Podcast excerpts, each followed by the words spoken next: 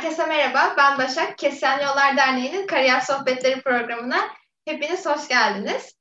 Bugünkü konu, bugünkü konuklarım daha doğrusu Profesör Doktor Canan Atılgan ve Doçent Doktor Emre Erdem. Bugün e, malzeme bilimi ve mühendisliğini konuşacağız. Tercih serisine devam ediyoruz. E, yayına katılmadan e, hocam, Canan Hocam ve Emre Hocam hoş geldiniz. Hoş bulduk. Hoş bulduk. Nasılsınız? İyi. Covid sürecinde ne kadar iyi, iyi oluyorsa o kadar iyiyiz. Ben de ben de iyiyim. Bir yandan tatil, bir, yan, bir yandan çalışma, yaz tatili. Yani tatil e, denemez çünkü yaz okulunda ders veriyorum. Çok yoğun bir şekilde. Bir de ya, ya, bizde lise okulu da var. Lise okulunda da ders veriyorum. Bir de nanoteknoloji kampı var. Yani komple dersle geçiyor diyebilirim yazları, yazın. Bayağı bir yoğun. Canan Hocam siz neler yapıyorsunuz bugünlerde? Ee, ben e, ben ders vermiyorum. Ee, ben birikmiş makalelerimin harıl harıl e, yazımına e, verdim bu ara kendimi. Yoğun bir dönemden çıktık. Ee, böyle. Evde çalışıyorum ama çok yoğun çalışıyorum. Peki o zaman ben ilk sorumla başlamak istiyorum. Ee, Canan Hoca ile başlamak istiyorum. Ee, sizi biraz tanıyabilir miyiz istiyorum. Tabii. E, ben e, kimya mühendisiyim aslen. E, Boğaziçi Üniversitesi kimya Boğaziçi Üniversiteli kimya mühendisiyim. 91'de e, lisans bitirdim orada. 96'da doktora programını tamamladım. Ee, üç seneden biraz daha uzun bir süre Florida Eyalet Üniversitesi'nde Süper Bilgisayar Hesaplamalar Merkezi'nde bir doktora sonrası çalışma e, zamanım oldu. 99'da Türkiye'ye döndüm. O sırada Sabancı Üniversitesi öğrencilerini almıştı. Ee, yani öğrenciler vardı onlar Eylül'de başlamıştı programa. Ben Kasım'da döndüm. Döner dönmez de Sabancı'da başladım. 20 yılı aşkın zamandır Sabancı Üniversitesi'nde öğretim üyesiyim. Emre Hocam e, biz de, biraz da siz kendinizden bahseder misiniz? Tabii, seve seve. Ben e, ben de Canan Hoca gibi e, uzun zamandır e, akademinin içindeyim. E, ben iki seneliğine e, önce Ankara'da e, Ankara Üniversitesi'nde fizik bitirdikten sonra iki seneliğine Almanya'ya gittim ama 20 sene kadar kaldım. E, tipik bir gurbetçi davranışı diyebiliriz herhalde. Almanya'nın avına düşen bir daha zor geri geliyor. E, orada e, yine e, master, e, doktora e, ve habilite Emre Hocam sesiniz kesildi.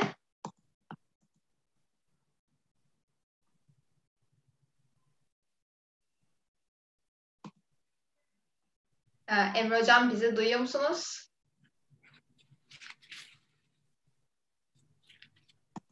Emre Hoca'nın bağlantıda bir sorun oldu herhalde Canan Hocam. O arada siz lisansta neden kimya mühendisliği tercih ettiğinizden bahseder misiniz? Tabii. E, mühendis olmak istediğimi biliyordum. E, aslında şimdi geri dönüp baktığımda aslında temel bilimci yani bilimin içinde olmak istediğimi biliyordum demeliydim ama hani lisedeki halimizde e, mühendislik okuyacağımı biliyordum. E, nasıl bir mühendislik e, meselesinde de ne, ne okumak istemediğimi biliyordum. E, geriye de işte birinci tercih endüstri mühendisi, ikinci tercih kimya mühendisi. Kimya mühendisi tuttu tırnak içinde. Tabii şimdi gençler çok şanslı. Benim zamanımda biz öyle üniversiteyi gezip görmek, meslekleri tanımak vesaire çok zayıftı o, o tür işler. 80 senesinde üniversite sınavına girdim öyle düşünün. Ee, dolayısıyla işte bir şeyin içinde buluyordunuz kendinizi. Tercihinizi de tabii şeyde yapıyordunuz. Sınava girmeden önceki gece yapıyordunuz ya da en son o zaman.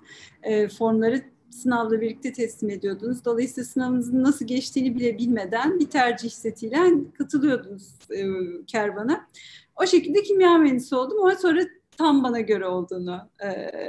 Çok enteresan hikayelerim var. Bizim evde yangın çıktı. Ben üç, işte sorular kaçtı falan böyle şeyler oldu yani üniversite sınavı günü. Yani ben kimya mühendisi olmalıymışım bir şekilde.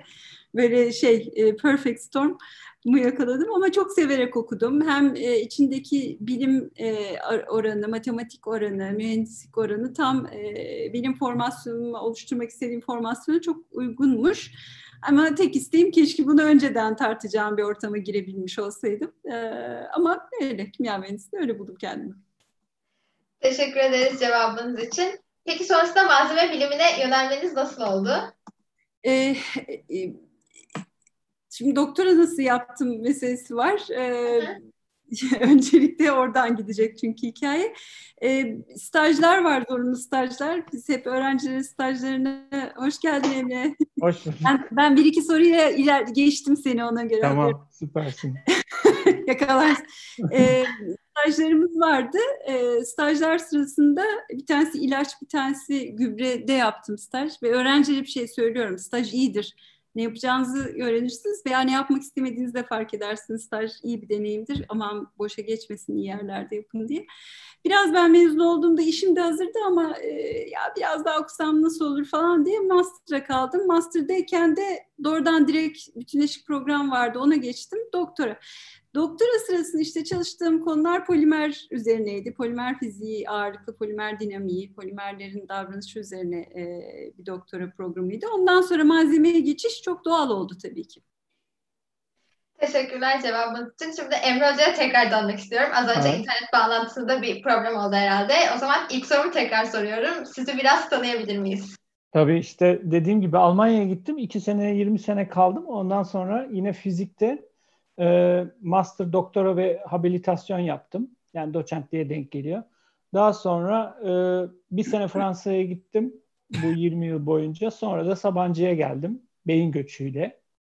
E, sağ olsun tabii burada e, Can Hoca da çok destek oldu gelmemde. E, işte şimdi Sabancı'dayım malzeme e, programında. Gayet mutlu. E, derslere giriyorum. Araştırmayı yapıyorum. E, daha ne isteyeyim? Her şey güzel. Bu habilitasyon derecesinden de bahsetmek istiyorum ama önce şunu sormak istiyorum. Lisansta yani e, fizik tercih etmenizin sebebi neydi ve bundan sonra malzeme bilimine yönelmeye nasıl karar verdiniz? Hmm, güzel soru. Yani fizik niye tercih ettim? Çünkü ya ben çok meraklıydım. Küçükten e, yani küçükken e, ben her şeyi içine açardım. Her şey yani bozardım her şeyi. E, saatlerimi bozardım. İşte elektronik şeyleri bozardım. Yani merak e, herhalde ne bileyim e, işte küçükken e, milliyet çocuk vardı. Ben onun çı- çıktığı gün e, sırasında falan beklerdim. Bilim çocuk vardı. Onun sırasını beklerdim. E, yani herhalde insan çocukluktan kendini bir şekilde e, böyle bilim insanı olarak hissediyorsa e, bana da öyle oldu diyebilirim. Sonra böyle mahallede küçükken oynarken bana hep lakap takmışlardı zaten. Profesör diyorlardı. Yani öyle bir şey de var yani e, o zamanlar saçlarım da böyle şeydi kıvır kıvırdı. Aslında benim saçlarım olsa kıvır kıvır. Tam böyle şey e, Einstein tarzı saçım vardı. E, hani yani bilmiyorum. Belki de hani çevre çevre baskısıyla fizik oldu, o fizikçi oldum da diyebilirim. Ama şey e, dediğim gibi meraklıydım. O yüzden herhalde e, fiziği seçtim. Sonra peki malzeme bilimine nasıl yöneldiniz? Ya o da yine kendiliğinden gelişen bir şey. Yani fizikle malzeme bilimini e, tam olarak ayırt edemezsin. Arada böyle e, keskin bir çizgi yok. Hep yani zaten fizik her şeyin içinde. Kimya da öyle. Yani hepsi birbiriyle iç içe olduğu için hocamız daha iyi bilir. Yani bunlar e, multidisipliner e, kavramlar. O yüzden e, bir şekilde yine e, malzemeden geçiyorsun. Experimental yani deneysel çalıştığın zaman mutlaka malzemelerin içine giriyorsunuz. E, aslında yani ben fizikçiyim ama e, malzeme çalışıyorum. Teşekkürler cevabınız için. Peki biraz da kendi çalışmalarınızdan bahseder misiniz? Özellikle son zamanlarda çalıştığınız uzay malzemelerinden. Uzay malzemeleri, aslında bunlar uzay malzemeleri değil, normal yani kullandığımız yani, evet. malzemeler. Yani uzayda e, kullanılabilirliğine bakıyoruz. E, çünkü uzayda enerji en büyük problem. E, işte e, orada burada ürettiğimiz süper kapasitörleri uzay şartlarında kullanabilir miyiz? Çünkü uzay şartlarıyla şu anda dünyadaki şartlar bir değil. E, o yüzden malzemeleri geliştirmemiz gerekiyor. E, bunun için de çok çalışmamız gerekiyor. İşte biz bunun üzerinde çalışıyoruz. Ersin Hoca, e, fizik e, programımızın e, hocası. Onunla birlikte işte e, fikir birliği yapıyoruz, işbirliği yapıyoruz. E, e, beyin fırtınaları gerçekleştiriyoruz. E, ve diyoruz ki e, biz nasıl uzayda enerji üretebiliriz? E, tersine engineering dediğimiz yani tersine mühendislik hani bir astronot gittiğinde orada bir pil yapabilir mi? Orada bir süper kapasitör yapabilir mi? Veya biz burada yapalım. Diğer taraftan dünyaya düşen meteoroidlerden elektrot malzemesi yapıp süper kapasitörler yapabilir miyiz? Ee, yani bütün bunlar aslında araştırma konusu. İşte şimdi biz yavaş yavaş bunlara başladık. Ee, iyi de sonuçlar aldık. İlk, ilk testler fena değil. Özellikle e, as, e, meteoroidlerin e, içinde bulunan bulun, bulundurduğu malzemeleri önce test ediyoruz. Hangi malzemeler var içinde?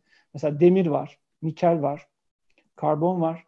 Bütün bunların kompozisyonları bize bir belki de dünyada hiçbir şekilde üretemeyeceğimiz bir kompozisyonu veya aklımıza gelmeyen bir kompozisyonu veriyor ve bunlar kapasitif bir kapasitif e, davranış gösteren e, malzemeler olabilir.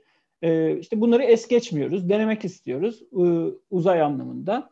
E, yeni kutup projeleri yazdık. Belki ileride kutuplara gidip e, e, meteorlar arayacağız. O meteorları bulup gelip Türkiye'de Sabancı'da e, ölçmeye çalışacağız. Yani bütün bunlar aslında heyecan verici uzay uygulamaları. Teşekkür ederim cevabınız için. Canan Hocam biraz da siz kendi çalışmalarınızdan bahseder misiniz? Ben sizin hesaplamalı malzeme bilimi çalıştığınızı biliyorum ama. Ee, peki tabii ki. Ee, biz e, Emre Hoca ne kadar anor, anorganik malzemeler etrafında e, dönse biz de organik malzemeler etrafında e, çalışıyoruz. Ama e, hesaplamalı yöntemlerle ve teorik olarak e, bu organik malzemelerin özellikle de kendi kendine organize olmuş e, nano parçacıkların e, yapısından dinamiğini ve dinamikten işlevini tahmin etmeye çalışıyoruz. Böyle şimdi bunlar böyle çok uçuk geldi ama mesela işte e, protein yapıları son zamanlarda biz çok görür olduk etrafta COVID sayesinde işte virüsün yapısı ama onun içinde bir tanesini çıkarıyorlar böyle makine gibi hareket ediyor falan. İşte o, o, o hareketleri tahmin etmek bir şey alıp bir yerden bir yere gidiyor veya geldi bir şeye yapıştı.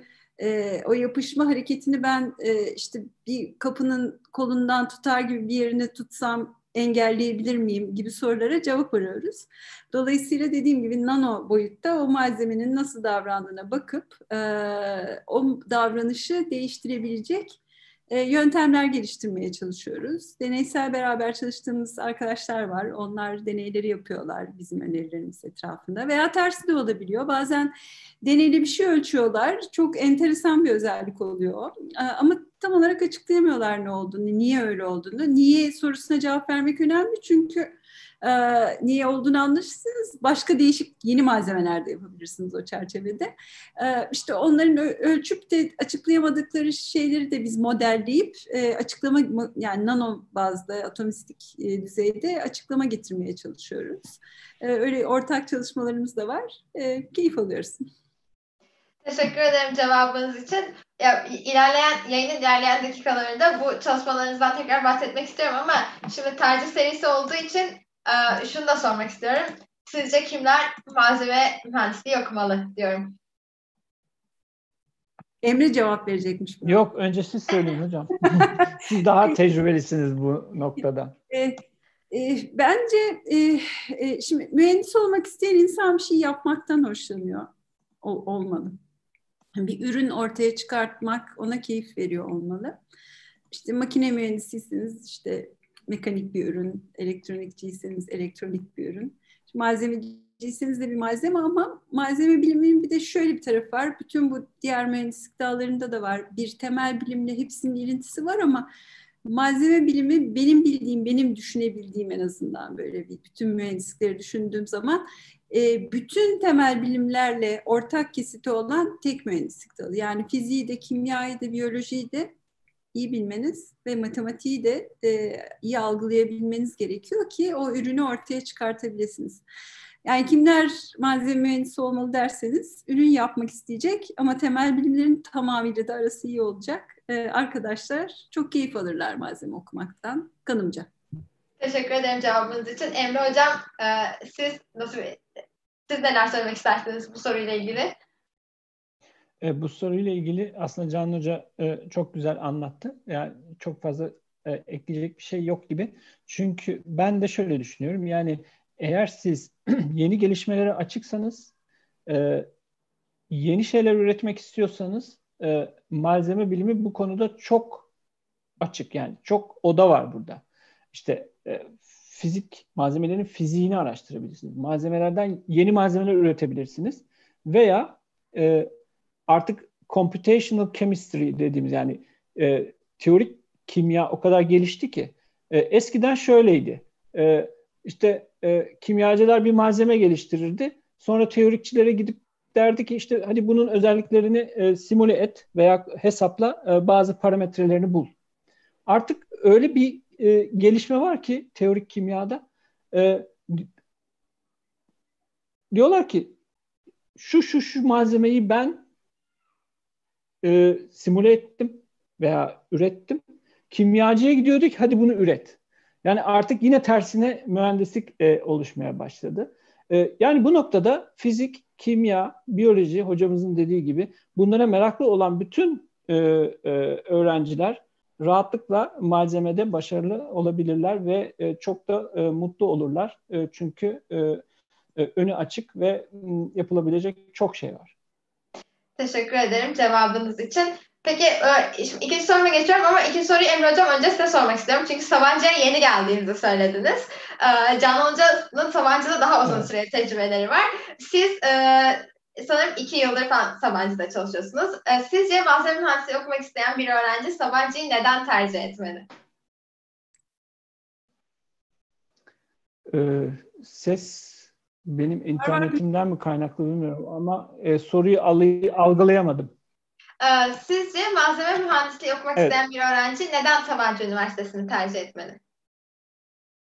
Ee, neden Sabancı Üniversitesi'ni tercih ettim? Onu mu soruyorsun? Hayır. Tamam. Malzeme mühendisliği okumak isteyen bir öğrenci Evet. Neden Sabancı Üniversitesi Malzeme Bilimi programını tercih ha, etmeli? Tamam anladım. Tamam şimdi anladım. Güzel soru. Evet tabii ki. Evet, ben e, şu anki kafamda e, malzeme mühendisliği veya e, herhangi bir mühendislik okumak istesem Sabancı'ya giderdim. Orası kesin. Gördükten sonra anladım bunu. E, çünkü e, çok e, değişik bir eğitim sistemi var diğer üniversitelere nazaran.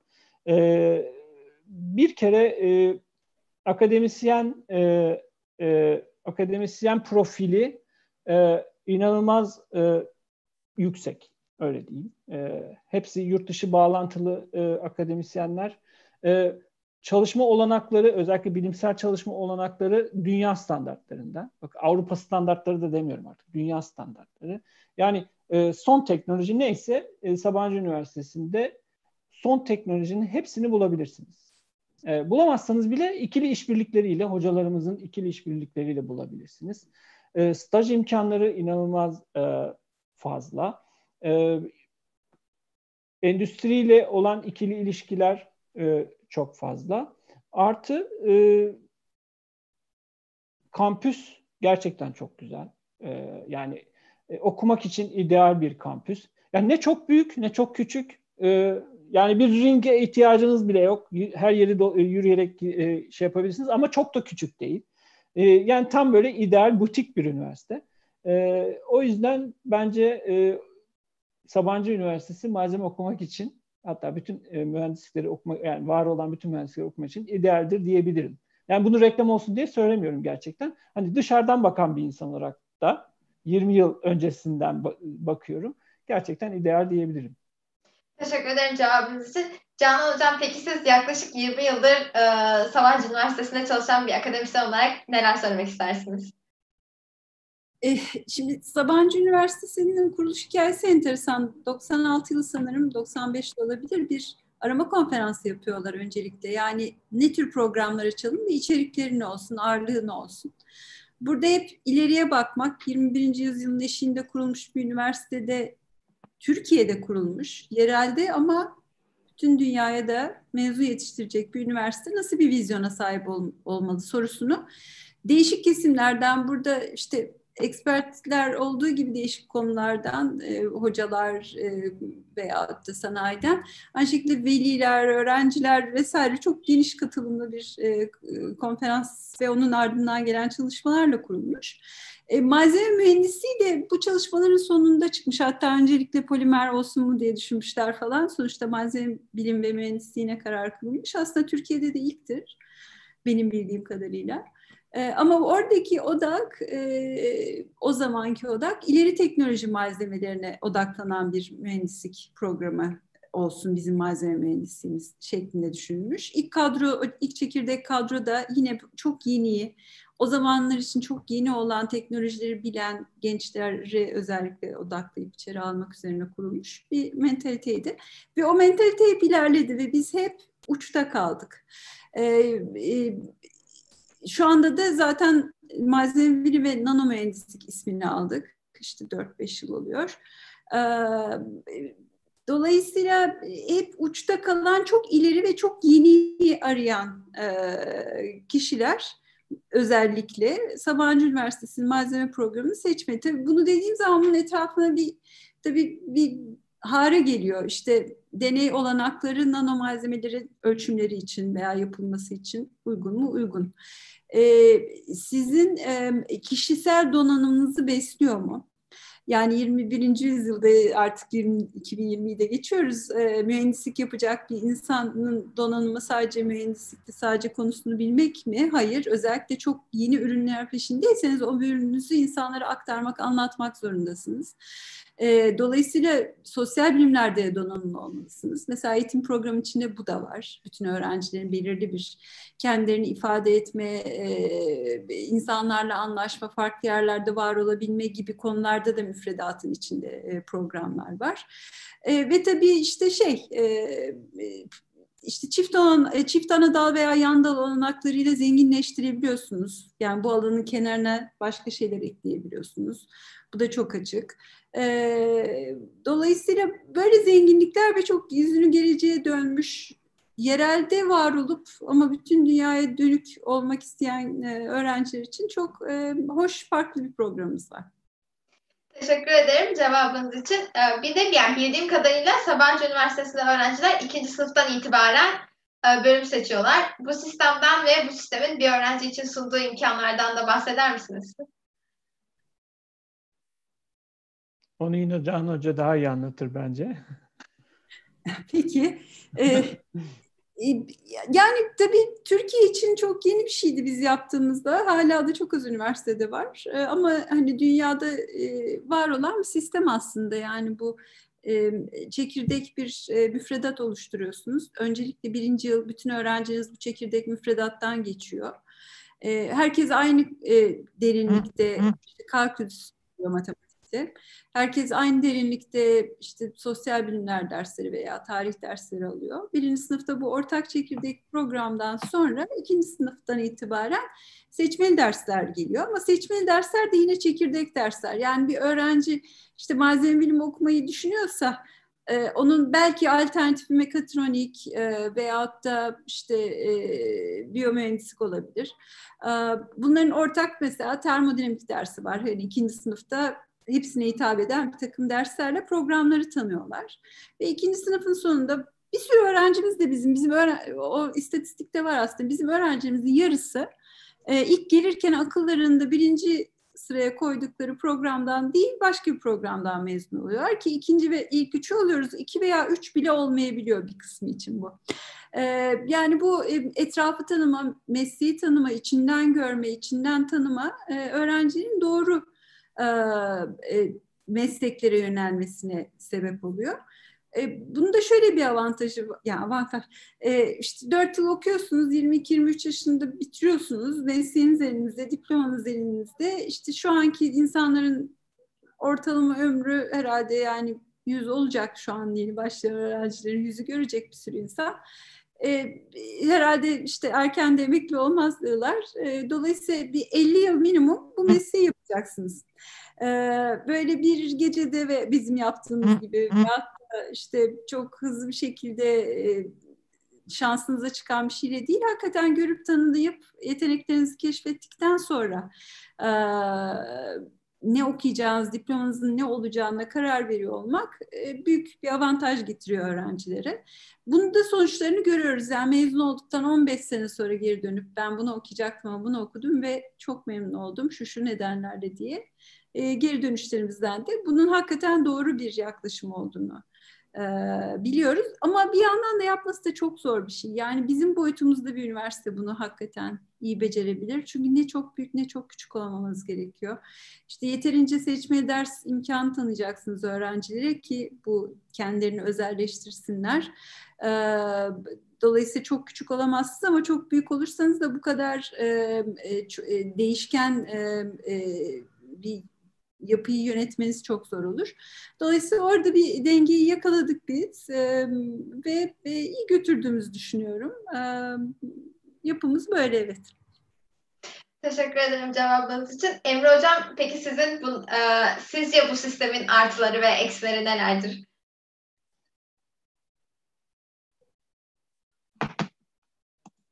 Ee, Emre Hoca'nın bağlantısında yine mi bir problem oldu acaba? Sanırım evet. O zaman e, Canan Hocam ben e, diğer soruya geçmek istiyorum. Biraz da lisans öğrencileri için Sabancı'daki araştırma imkanlarından bahseder misiniz? Tabii. E, e, yani kapıdan girdiği andan itibaren öğrenciler eğer araştırmanın içinde olmak istiyorlarsa olabilirler. Bu e, formal bir şekilde de olabilir, informal şekilde de yani bütün hocaların zaten çok güzel web siteleri var. Giderler araştırırlar. Ben sizin araştırma konunuzla ilgileniyorum deyip tanışıp görüşüp ilerleyebilirler. Açık kapı politikası dediğimiz bir politika var. Öğrencilerimiz her zaman hocalara ulaşabilirler, konuşabilirler randevuyla tabii ki. Ve bir işin içine girebilirler. Daha formal olarak dediğimde PURE diye bizim bir programımız var. Program for Undergraduate Research diye. Ee, bu aslında yapıda daha önce öğrenciler zaten o kadar çok e, lisans öğrencisiyken araştırma projelerinin içine girdiler ki biz bunu bir sertifikalı bir programa dönüştürelim diye bir karar aldık bir noktada birkaç yıl önce. Ee, öğrencilerimiz e, hem güz hem e,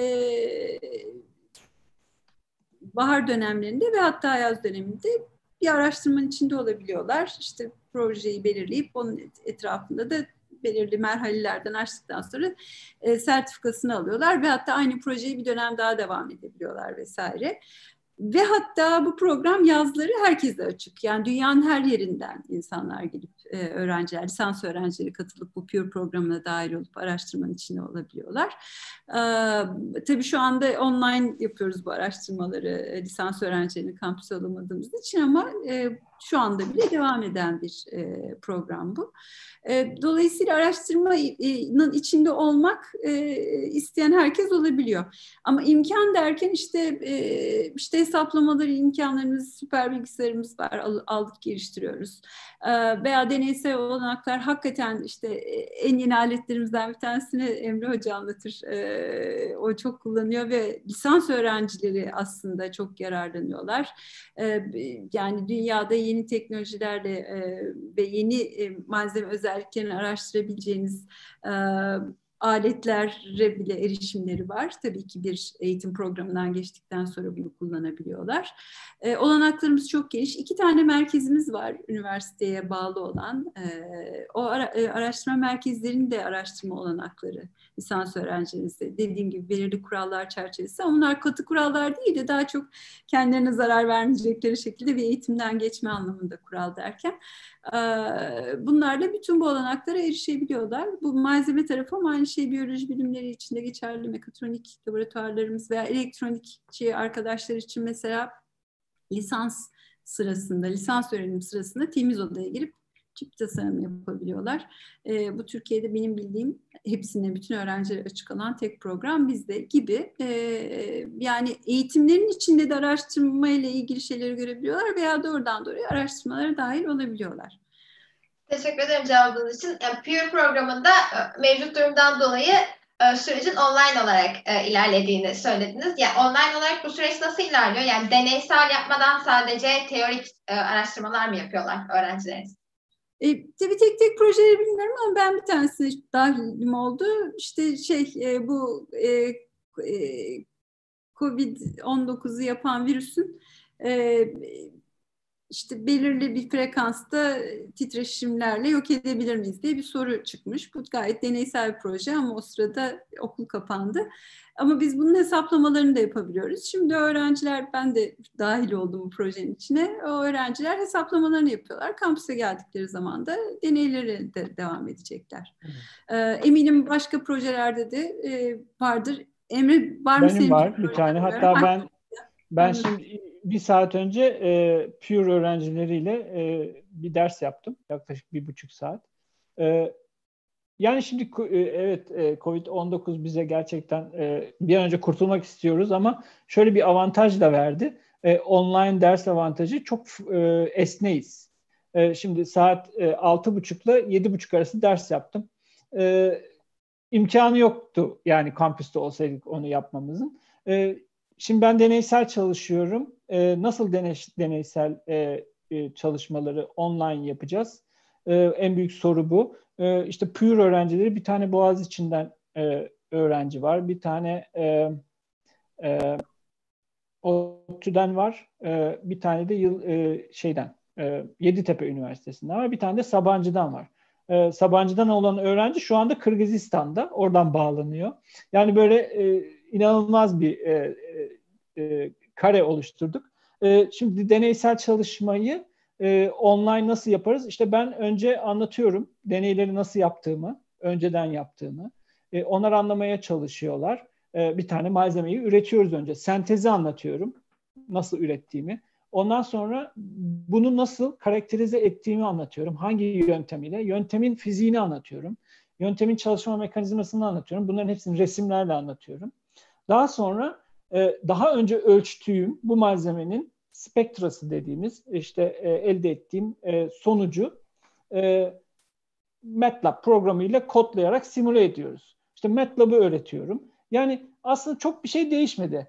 E, şeyde kampüsteyken sadece laboratuvara girip ben e, onlara belki bir iki ölçüm gösterecektim. Şimdi onu gösteremiyorum. Onu videolarla gösteriyorum ama bu Covid bittiği zaman e, gelecekler. E, işte ben onlara tekrardan bir demonstration olarak e, bir deney yaptıracağım ve böylece e, e, şu anda yapamadığımız deneyleri de e, yapacaklar. Deney kısmını şimdi yapılmış deneyleri e, yaparak e, devam ediyoruz veya e, deneyleri planlayarak e, ilerliyoruz.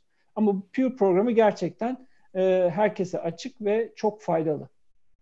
Teşekkürler Emre Hocam cevabınız için. Ee, peki sizin bu Peer programında ya da e, diğer araştırma grubunuza aldığınız öğrencilerde aradığınız kriterler neler? Nelere dikkat ediyorsunuz bir öğrencide? E, ben e, şahsen önce not ortalamasına bakıyorum kesinlikle. Tabii bizde çok uluslararası öğrenci olduğu için genelde yabancı öğrenciler de oluyor. O yüzden İngilizce e, iyi olmak zorunda. Yani en azından anlayabilmek.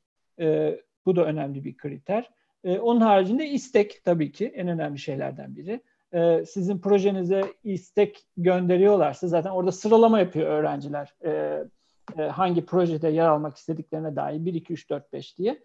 Yani benim projemde birinci, benim projeme birinci isteğini gönderen kişiler tabii ki benim de dikkatimi çekiyor. Daha sonra not ortalamalarına ve e, İngilizcelerine bakarak e, karar veriyorum.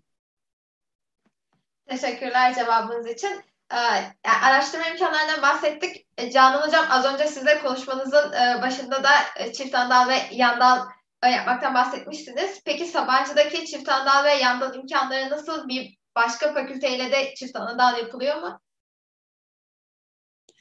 Ee, evet, e, Sabancı Üniversitesi'nde bu geçtiğimiz yani 2019 girişli öğrencilerden itibaren daha önce iki veya üç programımıza kapalıydı galiba. E, ama şu anda tamamen bütün programların hepsiyle çift anadal şansı var öğrencilerin. 2019 girişler, 2020'de girecek olanların. Tabii ki e, çift anadal öyle kolay bir şey değil. E, 3.20 ortalama istiyoruz öğrencilerden çift anadalın içine girebilmek ve sürdürebilmek ve mezun olma aşamasında yani bütün olay boyunca minimum 3.20 ortalamayı iki program içinde tutturmaları gerekiyor.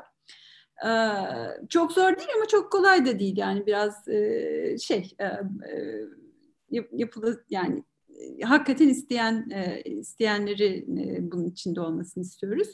Bütün fakültelerin bütün programlarıyla yapabilir öğrenci. E, mesela stajsa e, fakülte içi stajda eğer iki yani fakülte içi Anadolu varsa mekatronikler malzemesi mesela öyle bir staj bulabilirse ki eğer iki program tarafından da kabul edilebilir bir içeriği var tek stajla halledebiliyor.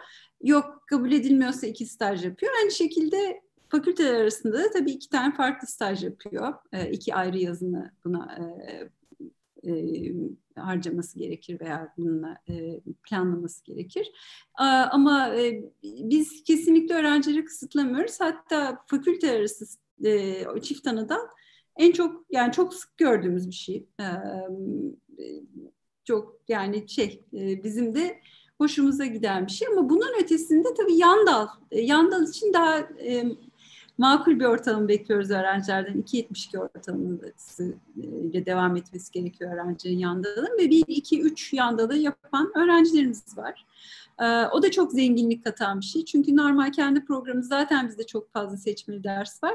O seçmeli dersleri belirli bir konu etrafında çevirirse o bir yandala dönüşebiliyor. Mesela enerji konusunda bir yandal çok popüler bir yandal oldu enerji. Halbuki çıktığında böyle hani on öğrenci seçse çok memnun oluruz falandık ama çok fazla öğrencinin sevdiği bir yandal oldu ve fakülteler arası bir yandal. Yani hep mühendisler enerjiye gitmiyor. Bu işin çünkü sosyopolitik tarafı falan da var. Diğer fakültelerden de öğrenciler beğeniyorlar. Temel bilimlerde matematik, e, kimya, fizik bunlarda yan dallar zaten var. Hatta bizim kendi öğrencilerimizden e, e, fizik yan dalı yapıp daha sonra fizikçi olmuş olanlar, matematik yan dalı yapıp hatta bizde hocalarımızdan bir tanesi matematikçi olup daha sonra matematik programı öğretim üyesi olan öğrencilerimiz var. Diğer fakültelerde de yine çok zengin, güzel mesela kültürel çalışmalar etrafında, kadın çalışmalar etrafında çok değişik güzel yan, yan dallar var. Bazen de sırf merakları için yani malzeme okuyor ama bakıyorsunuz kadın çalışmaları yan dal yapıyor. Çünkü onu da merak ediyor, onun da içinde olmak istiyor. Böyle bir zenginlik hem yan dalların tamamı herkese açık hem çift anadalın tamamı açık. Sadece ortalama kısıtı var tabii ki. Teşekkür ederim cevabınız için. Ee, Emre Hocam siz az önce Sabancı'nın kampüsünden bahsederken çok güzel olduğundan, öğrenciler için yeterli imkanlar olduğundan bahsettiniz. Ee, bir shuttle'a bile gerek yok dediniz ama Sabancı'nın kampüsü aslında İstanbul'a epey uzak. Yani öğrenciler nasıl sosyalleşiyor? Öğrencilerin sosyalleşmesi için kampüste hangi imkanlar var?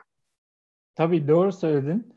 Yani ben e, kampüse ulaşana kadar, kampüsten sonrası cennet zaten. e, Aynı zamanda sadece e, sadece öğrencilere değil hem çalışanlarına e, hem e, akademis çalışan akademisyenlere de çok büyük imkanlar sağlıyor. Yani biz öğrencilerin faydalandığı bütün imkanlardan faydalanıyoruz.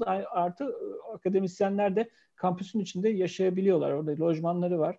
Yani ben orada yaşadığım için biliyorum. E, spor tesislerini kullanabiliyoruz. Çok güzel bir göl var. Onun etrafında e, e, yürüyüşler yapabiliyorsunuz. E, güzel bir yer yani. Tabii ulaşım sorun ama şimdi bir belediye otobüsü e, koyuldu. E, yolları yapılıyor. Yani e, ilerleme var diyebilirim. E, ama ulaşım e, tabii biraz e, sorun. E, ama bence e, e, bu yeni yollardan sonra e, artı şeye e, metro geliyor. E, sanırım Via Port'a kadar olabilir. Şey, e, Sabiha'ya geleceği kesin. E, o, ondan sonrasını artık yürüyerek bir şekilde halledilebilir. E, tabii espri yapıyorum ama mutlaka e, yani bence e, 20 yıl öncesine baktığınızda belki Can Hoca daha iyi bilir. E, büyük bir gelişme vardır hani ulaşım açısından. Servisler var yine shuttle'lar var. Kadıköy'den e, bir shuttle var. E, onu çok kullanıyorum ben. E, Levente var ama tabii e, yeterli olmayabilir. Daha çok e, olması gerekir. Yani diyorsunuz ki önemli olan kampüse ulaşmak. Kampüse ulaşınca... Evet, ansası harika. Canan Hocam buna ek olarak sizin söylemek istediğiniz bir şey var mı? Şimdi ben bir dakika videomu kapatacağım. Bir şey göreceksiniz. Şu. Gördünüz mü? Evet. Evet. Radyo. Bu... Radyo. Radyo. e, o Teachers Are Human diye bir program yapıyor. Radyosu var üniversitenin. Yani radyo kulübü var. Radyo gayet güzel radyo ortamının olduğu bir e, alanları var. beni programa davet etmişlerdi. Orada çektiler çok sevdiğim fotoğraf. Onun için benim Zoom background fotoğrafım ama e, bunun gibi herhalde yüz küsür tane kulüp var. Çok faal bir kampüs. Ee, biz öğrencileri e, sabah 8.40'da başlar bizim derslerimiz. 8.40 derslerine getirmekte çok zorlanırız. Çünkü onlar genelde sabahlara kadar değişik aktivitelerle e, günlerini ve gecelerini dolduruyorlar. Çok canlı bir e, kampüs hayatı var. E, evet, e, ulaşım imkanları çok arttı 20 yılda. Tabii trafiğimiz de çok arttı. İstanbul çok büyüdü çünkü. Ama hep yeni trafikle beraber yeni çözümler de geliyor. E, ama öğrenciler çok güzel bir e, kampüs hayatı yarattılar. 20 yıl öncesine göre tabii çok daha da ilerledi ama ilk yıllarda bile e, çok hoş değişik etkinliklerle e, bizi mutlu edebiliyorlardı. E, bir şey gösteri merkezimiz var orada İstanbul'da veya Türkiye'de aslında belli başlı bütün gösteriler, tiyatro vesaire, e, konser geliyorlar. Büyük çok güzel bir salon çünkü orada konser vermek keyif mesela bir klasik müzik konseri, evet. konseri vermek gibi. Onun için insanlar gelmek de istiyorlar. Öğrencileri tabii çok e, ucuz bir sürüsü bedava. Ee, dediğim gibi bu, bu üniversitenin sağladığı imkanlar, spor imkanları çok iyi. Ee, Emre Hoca çok iyi bilir. Ee, tırmanma duvarımız var mesela. Tırmanmaya gittik, doğru. Çok seviyor e, Emre. Ee, şey, bu, e, güzel bir tırmanma duvarımız var ve değişik şeyler var yani hani standart ötesinde. Mesela Amerikan futbol takımımız çok iyi işler çıkartıyor. Çok fazla yani yani şey genelde çok şeyin arasından seçmek zorunda kalıyor öğrenciler. Ee, sıkılmak bir yana. Evet. Dediğim gibi zaten e, hoca da söyledi gösteri merkezini. Yani Sabancı kampüsüne sanatçılar ve e, tiyatro grupları zaten kendileri geliyor. Yani sizin ayağınıza geliyor. Sizin bir yere gitmenize gerek yok. e, bu arada radyo dediniz. Ben de mesela radyoda program yapıyorum. E, öğrenci arkadaşlarla birlikte her perşembe. E, şimdi tabii ara verdik ama e, bir böyle e, her perşembe bir rock grubunu e, ele alıyoruz. Onu inceliyoruz böyle iki saat. E, işte telefon bağlantıları veya internetten e, işte yazanları oluyor. Bayağı popüler bir programımız da var yani. Yeşkur adı da.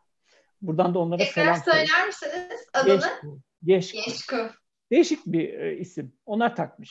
Hikayesi de var da anlatmayayım şimdi. Malzemeyle alakasız. Peki ama ondan sonra bir daha başka bir zamanda dinlemek isteriz. Tamam. Ee, peki yani teşekkür ederim bu cevabınız için. Kampüsün içi bayağı eğlenceli duruyor. Ee, ama ben biraz da Sabancı'daki burs imkanlarından bahsetmek istiyorum. Çünkü Sabancı bir vakıf üniversitesi. Ee, yani burs imkanları nasıl? Sizin öğrencilerinizin yüzde kaçı tam burslu? Şimdi ben hep topu Canan Hoca'ya atıyorum. Ayıp oluyor ama yani bu konuda ben e, bir şey diyemeyeceğim. E, Canan Hoca bunu en iyi bilen.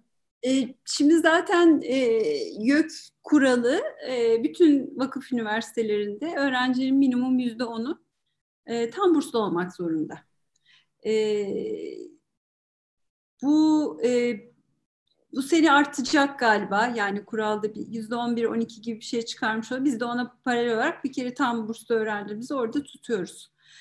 Ama bizim gerçekleşen burs oranımız bu girişteki burslar, yarım burslar, çeyrek burslar veyahut da girdikten sonra başarıyla alınan bursları da göz önüne aldığınızda yüzde otuzları, yüzde otuz tam burs eşleniğinin altına düşmüyoruz.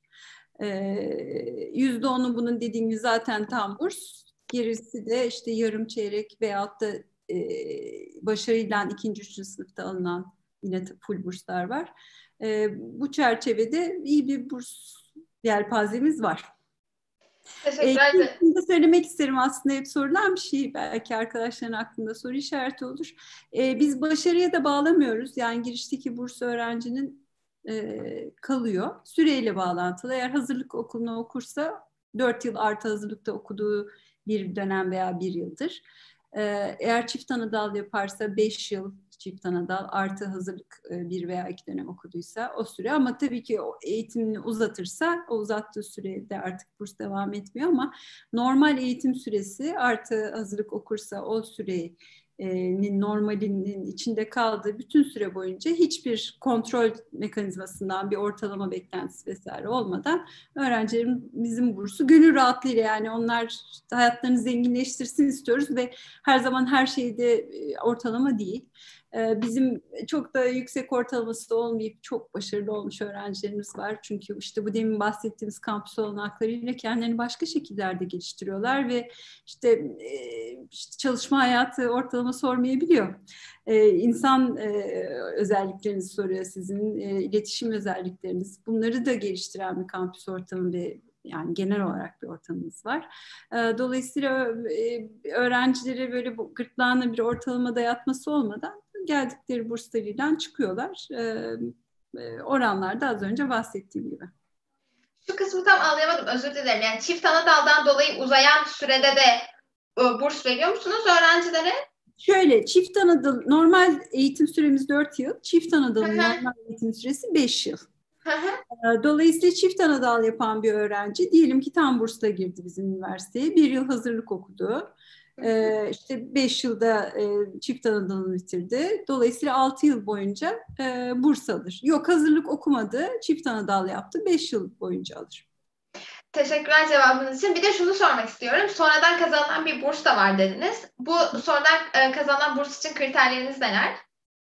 O işte orada ekmek aslının ağzında. Ee, yani o çok e, zor kazanılan bir burs. Yani 3.90'ın üstündeki arkadaşlar ortalaması olan arkadaşlar arasında gidiyor. Var olan bursunuzu yükseltebilirsiniz. Mesela %25 bursla girmiş yükseltmek istiyor veyahut da hiç olmayan e, burslarını da e, bir şekilde almaya çalışıyorlar ama orada kısıtlı sayıda burslar var. Aslında Sabancı Üniversitesi'nin e, web sitesine giderseniz değişik mesela belirli bir alanda okursa veya bazı burslar kişi ismiyle e, yani bağışçıyla birlikte gelen işte kadın öğrenci olmak gerekiyor falan gibi özellikleri olan burslar olduğu gibi. E, farklı burslar var, ihtiyaca bağlı tek tük var. Ama çok çeşitli olduğu için şimdi ben şudur budur demeyeyim ama arkadaşlar gidip incelerlerse görecekler. Tek önerim benim şu olur yalnız hep öneriyoruz. Yani bunu alacağına güvenerek e, Sabancı Üniversitesi'ne gelmemeli öğrenciler. Çünkü hakikaten e, çok e, zor burslar bunlar. Bunlar işte başarıya bağlı burslar, sonradan kazanılan burslar. Ve işte oraya 300 kişi başvuruyor, belki 50 kişi oluyor. E, o 50 kişi de tabii ki ortalaması başarısı yüksek olan öğrenciler. Yani yukarı doğru e, itildiği için. Buna güvenerek ben ikinci seneden itibaren burs alacağım zaten. Yazayım Sabancı Üniversitesi'ne ilk yılın parasını denkleştiririm değil. E, ama zaten o ortalamaları yapabilen öğrenciler de akademik olarak çok iyi öğrenciler oluyorlar. E, bazen şanssızlıklarla bir takım şeyler üniversite sınavında maalesef beklediği sıralamayı alamamış olabiliyor öğrenciler. E, onların çok hızlı lisedeki tempoyu yakalayıp hemen başarılarını yükselttiğini görüyoruz. Onlar da burslarını yükseltebiliyorlar. Teşekkürler. Ee, Emre Hocam sizin bunlara ek olarak söylemek istediğiniz bir şey var mı?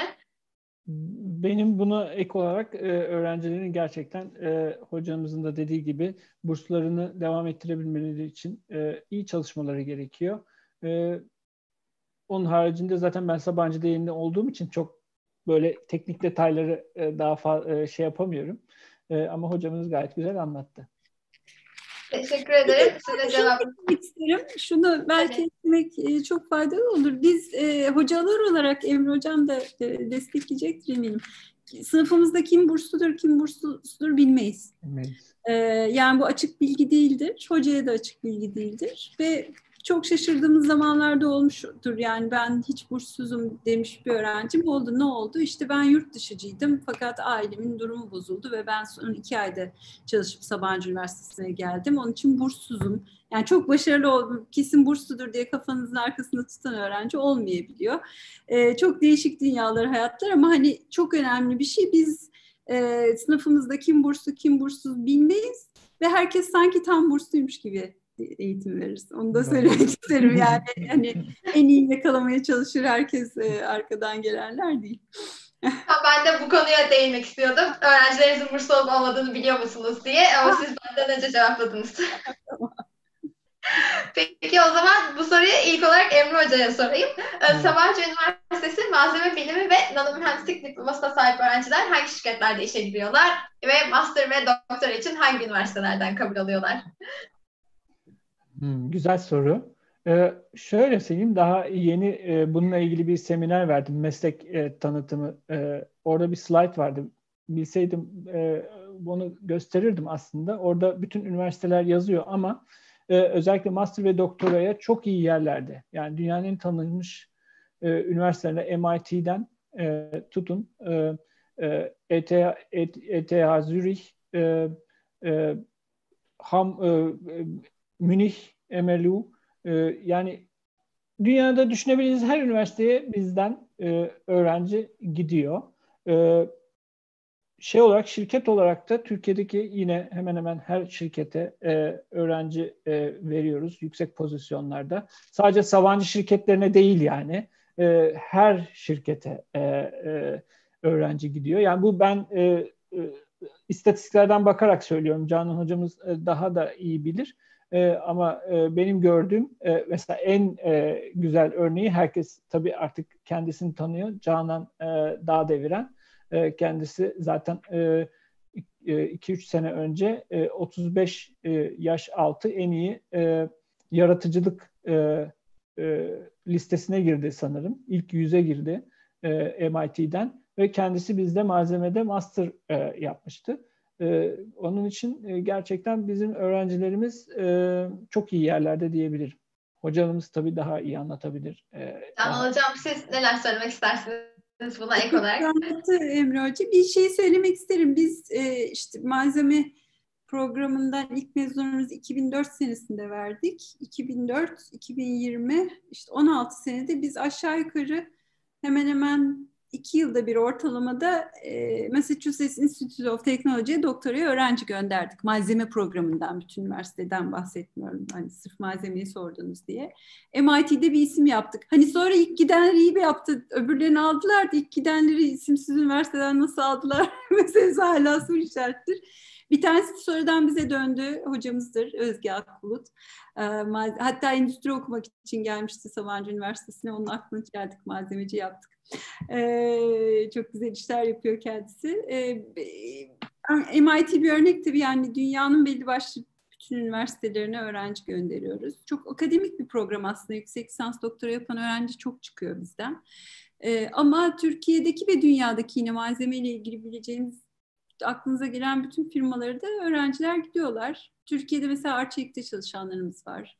E, şişe cam, e, bütün seramik endüstrisinde düşünebileceğiniz bütün firmalar, polimer endüstrisiyle ilgili bütün firmalar. Türkiye bu anlamda çok malzeme mezunlarına da açık bir ülke çünkü zaten hazır bir teknoloji altyapı yani Türkiye'nin sanayi gelişiminde malzeme ile ilintili alanlar çok e, gelişmişti zaten Sabancı Üniversitesi kurulduğunda. E, dolayısıyla bütün bu bunlara da e, mezunlarımız e, gidiyorlar. E, oralarda çok başarılı işler yapıyorlar. Yeni mezunlar da, e, eski mezunlar da şimdi yükseldiler, önemli kademelere gittiler. E, kendi firmalarını kuranlar var. Bu da önemli bir şey. Yani kendileri kendi fikirlerini geliştirip şirket kurup onunla hayatlarına devam edenler, başarılı mezunlarımız var. Yelpaze geniş. Teşekkürler. Peki Canan Hocam tam böyle endüstriye ilişki, e, endüstrideki öğrencilerinizden bahsetmişken Sabancı Üniversitesi'nin endüstriyle ilişkileri nasıl? Yani üniversite sanayi işbirliği kapsamında çalışmalar yapıyor musunuz?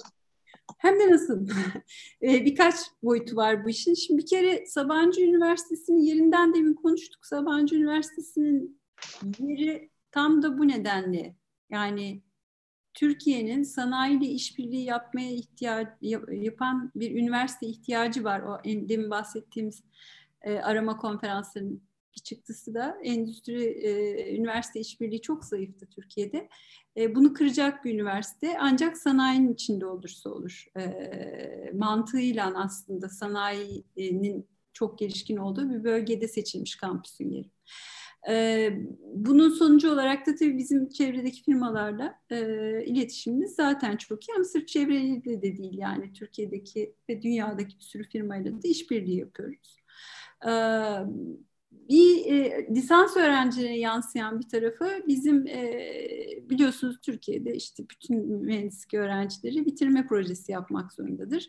Bizim bitirme projelerimizde e, bir yıllık bitirme projeleri iki dönem sürer. Bir alt grup öğrenci bizim sanayi odaklı projeler dediğimiz projelerde bitirme projesi yapıyorlar. Bu üç ayaklı bir program. İşte firma bize projesiyle geliyor. Ee, biz o projeyi hocalara açıyoruz. Eğer hocalardan sahiplenen olursa evet bu bir bitirme projesi çerçevesinde yapılabilir bir projenin okeyini verirse iki ayak tamamlanıyor. Üçüncü ayak sonra öğrencileri açıyoruz. Öğrencilerden de o projeyi yapmaya hevesliler olursa üçüncü ayak tamamlanıyor. Böylece hem akademisyen hem firmanın kendi gerçek bir probleminin içinde öğrenciler bitirme projesi yapıyorlar. Dediğim gibi iki dönem, dokuz aylık bir proje, güzel sonuçlar çıkıyor. Biz bu sene dördüncü yılını tamamladık bu e, sanayi odaklı projelerde. E, çok başarılı bir program. Yılda 80 öğrenci falan bitirme projesini bu şekilde yapıyor.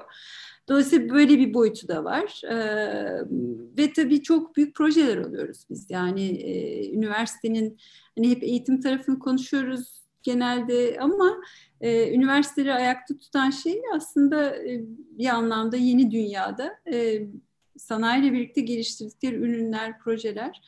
Ee, ve bizim e, az önce özellikle bahsettiğim iki merkezimizden bir tanesi teknolojik hazırlık seviyesi diye bir şey vardır. Birden 9'a gider. Üniversitenin içinde 1, 2, 3 yapılır yani en temel araştırma yaparsınız. 4, 5, 6 da prototip geliştirirsiniz. 7, 8, 9'da o gerçek bir ürüne e, dönüşür gibi düşünürseniz bizim demin bahsettiğimiz iki merkezden sunum, teknoloji merkezimiz o 4-5-6 seviyesini taramak için kurulmuş bir merkez. Daha yeni kurulan TÜMER, tümleştirilmiş ya kompozit teknolojilerin falan da olduğu merkezimiz. O kampüs dediği kampüse yakın Teknopark'ta. O da 7-8-9 seviyesini tarıyor ve işte savunma sanayinden bir sürü uygulamalı çalışan e, sanayilerden büyük projeler, çok büyük çaplı projeler alıyorlar. Dolayısıyla o projelerin içinde hem lisans doktor öğrencilerimiz çalıştığı gibi lisans öğrencilerimiz de bunların içinde bulunuyorlar. Hı hı. Ve bu ekosisteme alışarak aslında e, ilerliyorlar eğitimleri boyunca da. Teşekkür ederim cevap, cevabınız için. Emre Hocam sizin bunlara ek olarak söylemek istediğiniz e, bir şey var mı? Bu da ek olarak e, Canan Hoca güzel açıkladı. Sadece bir örnek verebilirim. Ee, geçen sene yaptığım sanayi odaklı e, projelerden birinde. Yani burada aslında sadece malzeme öğrencileri de olmuyor. Bir takım kuruyorsunuz. Ee, mesela benim kurduğum takımda e, bu projede yer alan e, bakıyorsunuz projeye mesela bir endüstrici de olması gerekiyor. Endüstri mühendisi. Bir mekatronikçi olması gerekiyor veya bir malzemeci olması gerekiyor. Mesela biz bir robot kolunun nasıl hafifleştirebiliriz? Daha hafif malzemeler üretebiliriz. E, şimdi bunu malzemeci de düşünmek zorunda, endüstri mühendisi de düşünmek zorunda, mekatronik mühendisi de düşünmek zorunda. O yüzden tek başına malzemeci belki o projede bir şey yapamayabilir. Bizim projemizde üç tane endüstri mühendisi, iki tane mekatronikçi, bir tane de malzeme mühendisi vardı. Festo firması, bu Alman e, e zaten Gebze'de Alman firması robot kolları yapıyor. İşte biz bunu nasıl daha hafif e, malzeme ile hangi malzemeler kullanarak nasıl bir dizayn yaparak e, hafifleş, hafifleştirebiliriz. E, bunun üzerinde çalıştık 9 ay boyunca ve çok güzel bir sonuç ortaya çıktı. Dediğim gibi bir takım hem sanayi hem öğrenciler bitirme projelerini yaptı. E, hem de ben de e, onlara supervisorlık yaptım. Çok eğlenceliydi ve e, güzeldi yani. Teşekkür ederim cevabınız için. As, e, şu an YouTube'dan bir soru geldi aslında bu soru konuşmanızın başında da az çok cevap verdiniz ama e, bir e, bir arkadaş sormuş. Sanırım üniversite tercihi yapacak. E, şöyle sormuş. Ben bilgisayar mühendisliği okumak istiyorum ama başka bir bölümde de proje yapabilir miyim demiş. Evet. evet. Evet.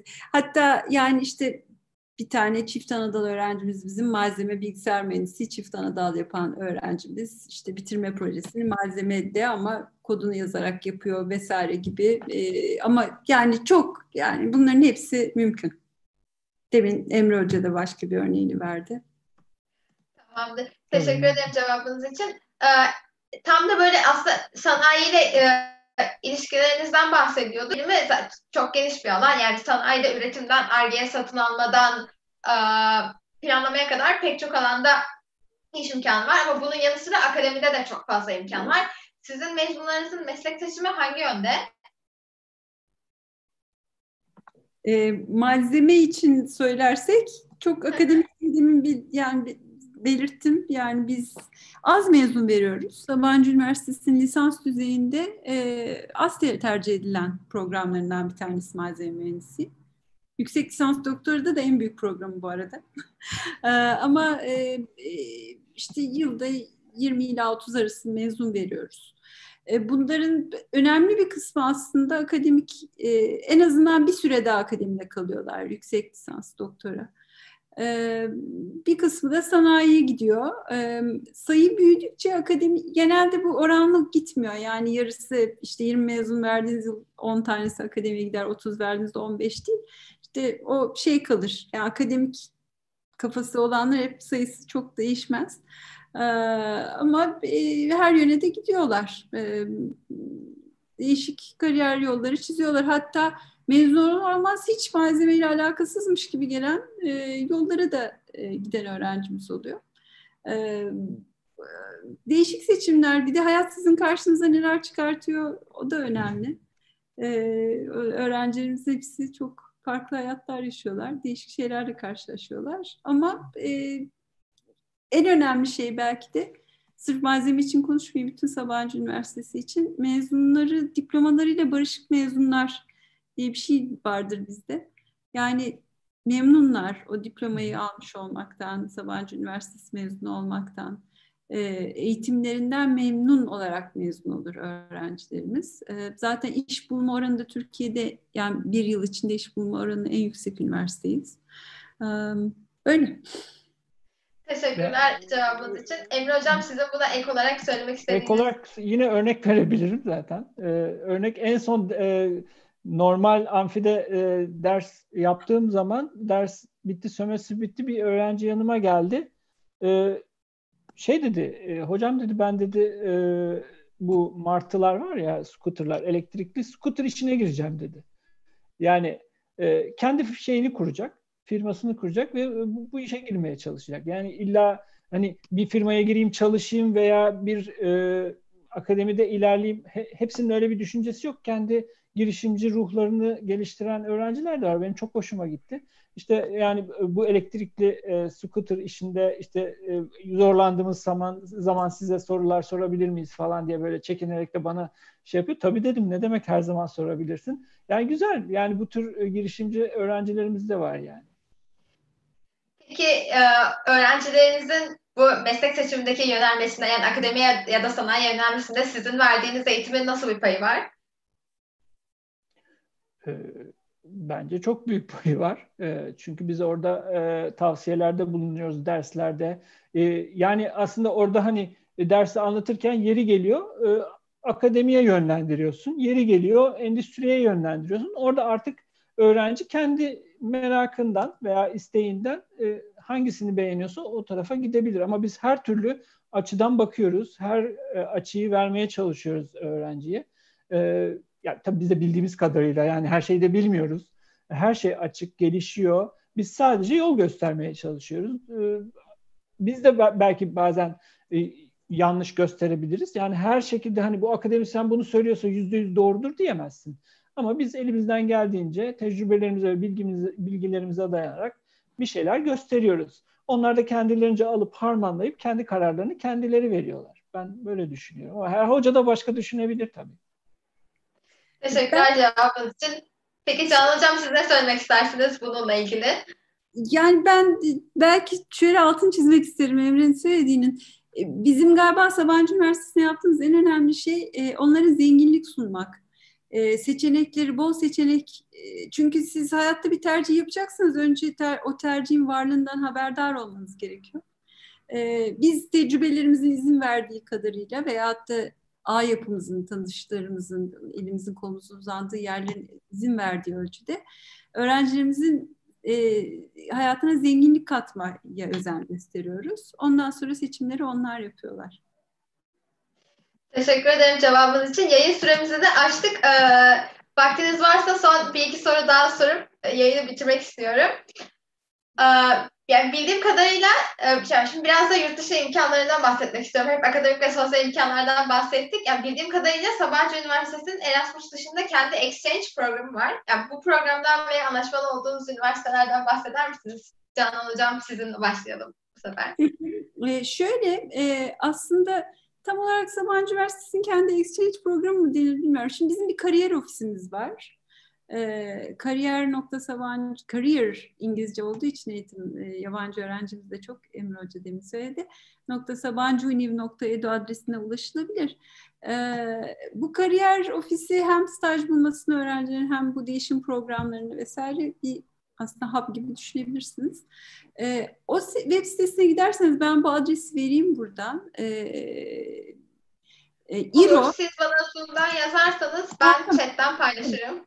E, or, benim vereceğim adreste e, bir dünya haritasının üzerine Sabancı Üniversitesi'nin anlaşmalı olduğu bütün kurumların böyle dağılmış resmi var. Ee, en güzeli orada. Yani Güney Afrika Cumhuriyeti'nde, e, Yeni Zelanda'da, e, işte ne bileyim ben e, Güney Amerika ülkelerinde, tabii ki Avrupa'nın birçok yerinde, Asya'da e, ortak e, anlaşmalarımız var bizim farklı konularda. Öğrenciler bu web sitesi üzerinden bunları seçip e, tabii ki konuşup tartışıp yetenekleriyle ilgili olarak bu değişim programlarını ya staj değişiminde çok yapıyorlar. Staj sırasında daha doğrusu staj değişim olmuyor tabii. Stajlarını yurt dışında yapan öğrencilerimiz de epey var. Veyahut da bir dönem veya hatta iki dönem e, ama genelde bir dönem e, exchange'e giden öğrenciler de var. E, bir zenginlik bir yine orada da bir iyi bir ağ yapı var. E, üniversitede özen gösteriyor bunu yani öğrencilerinin bir yurt dışı deneyimini e, kendileri eğitim hayatı bir şey korunaklı alan verir size. O korunaklı alanda bu tür şeyleri deneyimlemenin önemli olduğunu düşünüyoruz biz. E, çünkü işte ne bileyim siz e, kendinizden belki İsveç'e giderseniz İsveç gibi bir ülke bile yani zorluk yaşayabilirsiniz ama İsveç'te bir anlaşmalı kurumda eğitim değişimine giderseniz o korunaklı ortamda işte ev bulma vesaire derdiniz olmadan o kültürü tanıyabilirsiniz. O güzel bir zenginlik. Ee, bu tür şeyleri destekleme peşinde üniversite. Onun için e, tabii bize değişimle gelen öğrenciler de var. Benim bu dönem mesela sınıfında Meksikalı bir öğrenci vardı. yani bizi bulmuş hmm. Meksika'dan gibi böyle e, değiş bizim için de güzel oluyor. Sınıftaki zenginliği de arttırıyor. Yani bize gelen öğrenciler de e, ek bir e, deneyim kazandırıyor kampüsteki öğrencilere. E, her türlü e, çeşitlilik iyidir. Teşekkür ederim cevabınız için. Emre Hocam siz e, bunlara ek olarak neler söylemek istersiniz? E, buna ek olarak e, yani ben Almanya'da çalışırken Freiburg Üniversitesi'nde e, Freiburg Üniversitesi'ne e, öğrenciler geliyordu. Türk öğrenciler geliyordu. E, değişim programlarıyla Erasmus'tu. Genelde sorduklarımda yani tanıdığım üç öğrenci var. Üçü de Sabancılıydı. Benim ben daha o zaman hiç Sabancı ile alakam yok. E, yani e, gerçekten istatistiksel olarak e, Sabancı'dan e, değişim programlarına katılanlar e, oldukça fazla diyebilirim. Bu imkanlar fazla. Teşekkür ederim cevabınız için. Ee, son sorumu soruyorum artık. Dediğim gibi e, vaktimizi de açtık.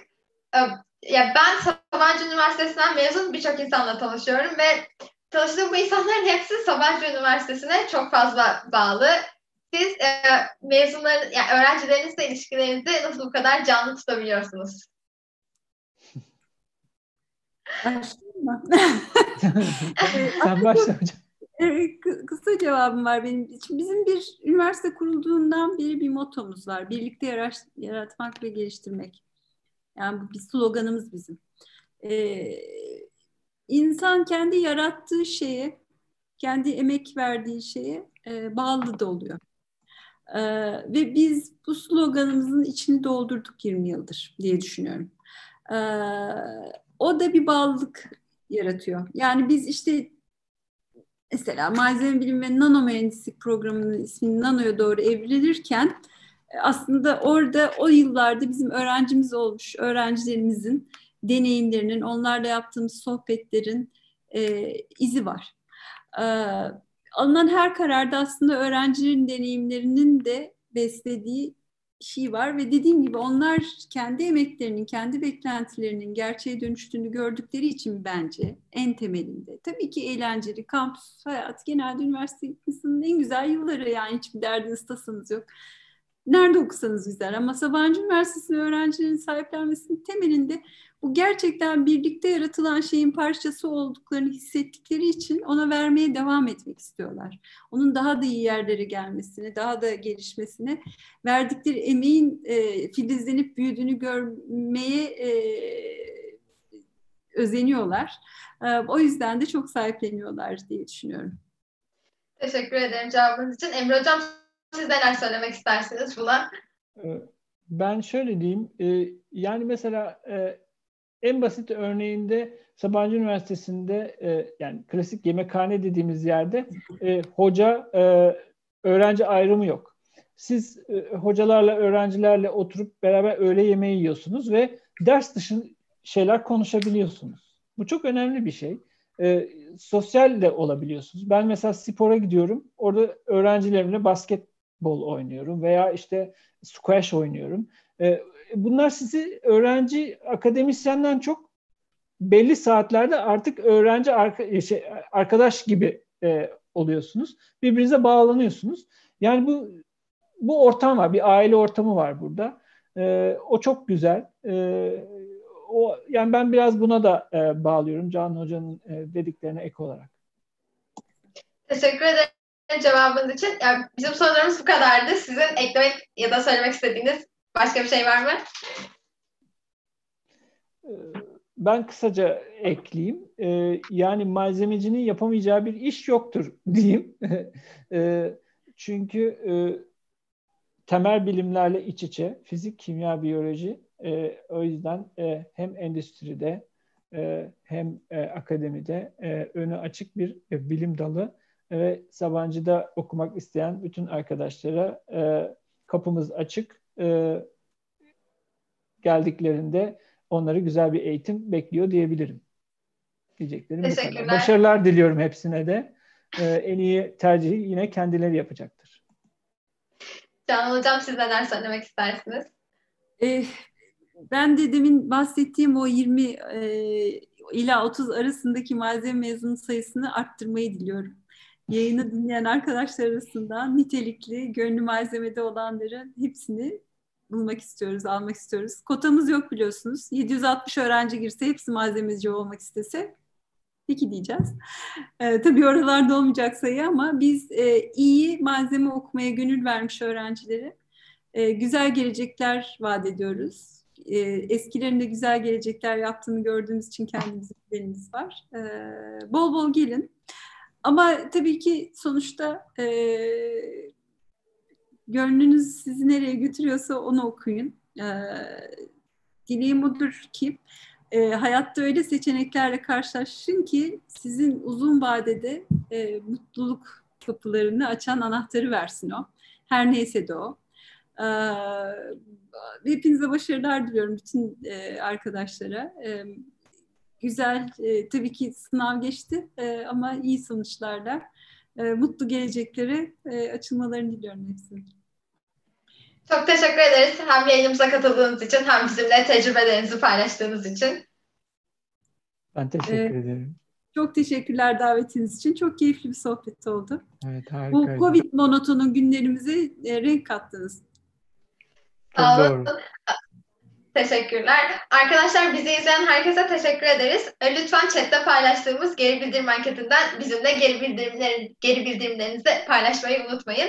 Ee, ve e, videonun sağ alt köşesindeki subscribe'a tıklarsanız hem gelecek canlı yayınlarımızdan hem de yeni videolarımızdan haberdar olabilirsiniz. Bunun dışında bir de şunu söylemek istiyorum. Tercih serimize devam ediyoruz. Yarınki konu Maltepe Üniversitesi'nden Zeynep Pelinsu Başaran, Pelinsu ile birlikte psikolojik danışmanlık ve rehberlik bölümü üzerine sohbet edeceğiz. Ee, tekrardan teşekkür ediyorum. Görüşmek üzere. Hoşçakalın.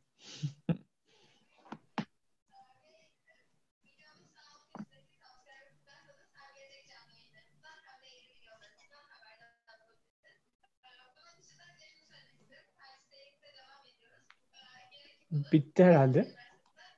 Bir saniye.